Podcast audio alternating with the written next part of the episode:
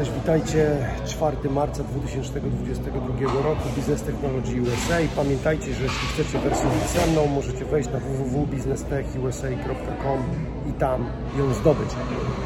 Inwestuj w rozpoznawanie głosu. Technologia rozpoznawania głosu rozpycha się coraz bardziej na rynku i coraz bardziej staje się potrzebna, użyteczna i przydatna. Microsoft właśnie dokonał trzeciego ze swoich największych przejęć za prawie 20 miliardów dolarów przyjmuje firmę Nuance Communication, która tworzyła m.in. Siri dla Apple. Microsoft przejmuje tą firmę po to, żeby połączyć jej algorytmy i modele sztucznej inteligencji świetnie orientujące się w rozpoznawaniu głosu z ofertą chmury.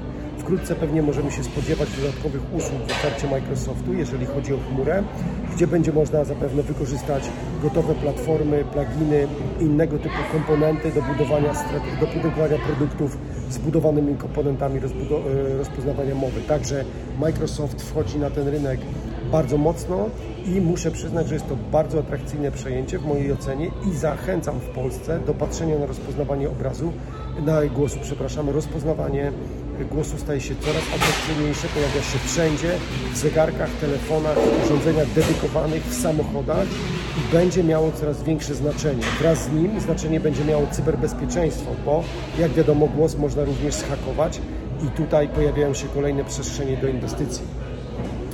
AI dostaje coraz więcej e, inwestycji na świecie.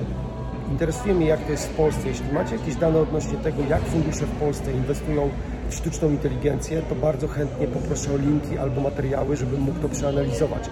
Na świecie, uwaga, przeczytam kilka liczb. Według analityków PitchBooka, PitchBook to taka platforma analizująca inwestycje venture capital w startupy i firmy technologiczne zajmujące się sztuczną inteligencją. Nie tylko. PitchBook analizuje wszystkie transakcje, ale w tym przypadku mówimy o firmach zajmujących się sztuczną inteligencją. PitchBook zanalizował, że wartość inwestycji rok do roku w stosunku do 2020 roku wzrosła o 87%. Uwaga, 87% z 61 miliardów dolarów do 115 miliardów dolarów. Więc w AI inwestuje się coraz więcej. Inwestorzy nie przestają, nie przestają inwestować. Wyjść z inwestycji w tym roku było 475, co, e, e, co odpowiednio to jest wzrostem o 80%.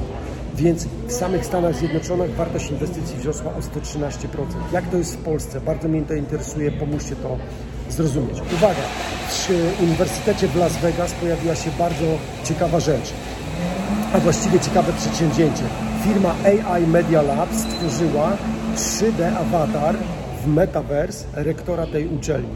Rektor pojawia się we wszystkich mediach elektronicznych, na stronie internetowej, w aplikacjach. Można z nim rozmawiać, odpowiada na ponad tysiąc pytań studentom, y, jeżeli chodzi o takie sprawy jak gdzie mogę zdobyć finansowanie, gdzie mogę zdobyć stypendium, jak się mm, zorganizować na uniwersytecie i wiele, wiele, wiele innych tematów. Tworzono awatar ponad rok, podobno działa doskonale, wygląda jak prawdziwy metaversowy awatar w 3D, jest jednocześnie chatbotem, rozpoznaje głos, mowę, tekst i inne rzeczy. Bardzo ciekawa rzecz. Zachęcam SGH w Polsce, Uniwersytet Ekonomiczny w Poznaniu, moją alma mater i wszystkie inne y, y, uczelnie do zrobienia czegoś podobnego. Fascynująca sprawa. Rektor dostępny 24 na 7, a jeszcze pewnie w przyszłości będzie można założyć hełm na głowę i porozmawiać z rektorem w swoim mieszkaniu albo apartamencie, albo domu, albo akademiku. Także zachęcam do studiowania przykładu. Ostatnia rzecz na dzisiaj. NFT sfinansuje działania wojenne w Ukrainie. Bardzo przykro, zawsze mi się o tym mówi, jak widzicie, I stand with Ukraine.